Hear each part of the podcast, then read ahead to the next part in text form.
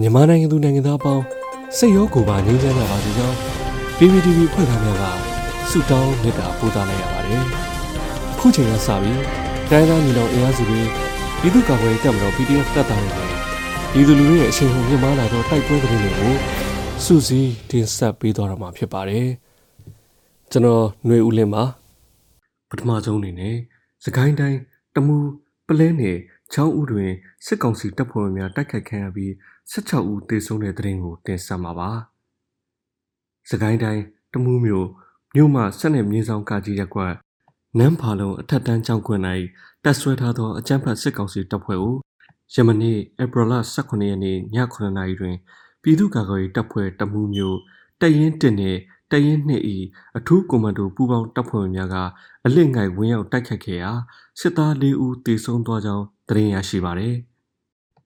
PDF ၏တိုက်ခိုက်မှုကြောင့်စစ်ကောင်စီဘက်မှတပ်ချက်အဆင့်တဦးပါဝင်စစ်သား၄ဦးကျောင်းရှိလမ်းမပေါ်တွင်တေဆုံးကြောင်းကာကွယ်ရေးတပ်ဖွဲ့များအောင်မြင်စွာစုခွာနိုင်ခဲ့ကြောင်းရင်းနောက်တမူးမြို့ဘက်မှလူနာတင်ကားများနှင့်စစ်ကားများရောက်ရှိလာပြီးတေဆုံးစစ်သားများအလောင်းကိုကောက်ယူသွားကြောင်း PDF တမူးတပ်ရင်းတစ်ကသတင်းထုတ်ပြန်ပါတယ်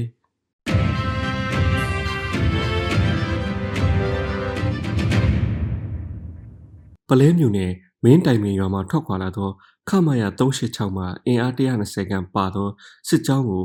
ဂျင်းင်းကြီးရွာမြောက်ဖက်အမှတ်6ဆယ်ပေါင်အနီးတွင်ယနေ့နနက်10နာရီခန့်အချိန်ပလဲပြည်သူ့ကာကွယ်တပ်ဖွဲ့ဌာနချုပ်အဖွဲ့ပလဲမြို့နယ်တပ်ရင်း1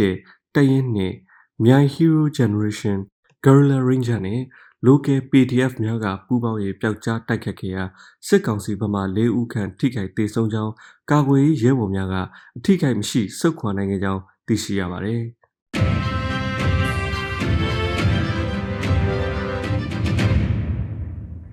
အလားတူယမနီနနက်၈နာရီခန့်တွင်ချောင်းဦးမြို့နယ်မှထွက်ခွာလာသောစစ်ကားနှစ်စီးကိုချောင်းဦး Local Defense Force CHU LDF နှင့်မဟာမိတ်ညီနောင်တပ်ဖွဲ့များကပူးပေါင်း၍ ချောင်းဦးမြို့နယ်ငားရွှေရကြားတွင်အဝေးထိန်းစနစ်ဖြင့်မိုင်းခွဲတိုက်ခတ်ခဲ့ရာစစ်သား၈ဦးနေရာတွင်ပွဲချင်းပြီးတေဆုံးက၄ဦးဒဏ်ရာပြင်းထန်ကြောင်းသတင်းရရှိပါသည်စစ်တပ်ပွင့်ကားတစ်စီးအန်စာတုံးတစ်စီးဖြင့်လာသောစစ်ကောင်စီတပ်ဖွဲ့များကိုဒေသကာကွယ်တပ်ဖွဲ့များကမိုင်းဆွဲတိုက်ခတ်ခဲ့ပြီးအောင်မြင်စွာဆုတ်ခွာနိုင်ခဲ့ကြောင်းသိရှိရပါသည်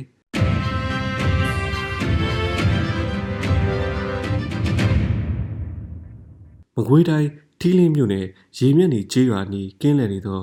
ရဲ၅ဦးကို YDF ထီလင်းတပ်ဖွဲ့၏ကွန်မန်ဒိုတပ်ဖွဲ့ကပြစ်ခတ်တိုက်ခိုက်ရာရဲတအူးတေဆုံးပြီးရဲတအူးဒဏ်ရာရရှိကြောင်း YDF ထီလင်း B3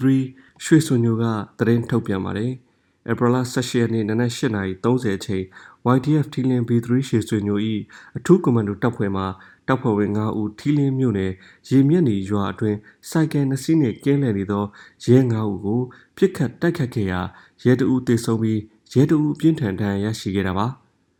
ထိုတိုက်ပွဲတွင် B3 SSN မှ Kamex အမျိုးအစားစိုက်ကယ်တစ်စီး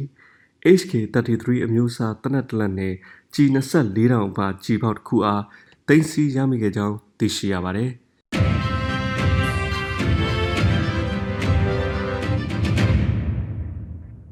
ရန်ကုန်မန္တလေးအမြန်လန်းမိုင်းတိုင်း335တဖာလုံးတွင်တက်ဆွဲထားပြီးအနီးကျွော်များနှင့်ခီးသောပြည်သူများကိုဒုက္ခပေးနေသောဗိုလ်မှူးကြီးဦးဆောင်သောကင်းဂိတ်ကိုဧပြီလ18ရက်နေ့နနက်2နာရီအချိန်တွင်လက်နက်ကြီးလက်နက်ငယ်များဖြင့်ဝင်ရောက်တိုက်ခတ်ခဲ့ရာစစ်ကောင်စီတပ်ဖွဲ့ဝင်များစွာအထိနာခဲ့ကြောင်းကြောက်စဲနဂါးပျောက်ကြားတပ်ဖွဲ့မှတာဝန်ရှိသူတွေကပြောဆိုပါတယ်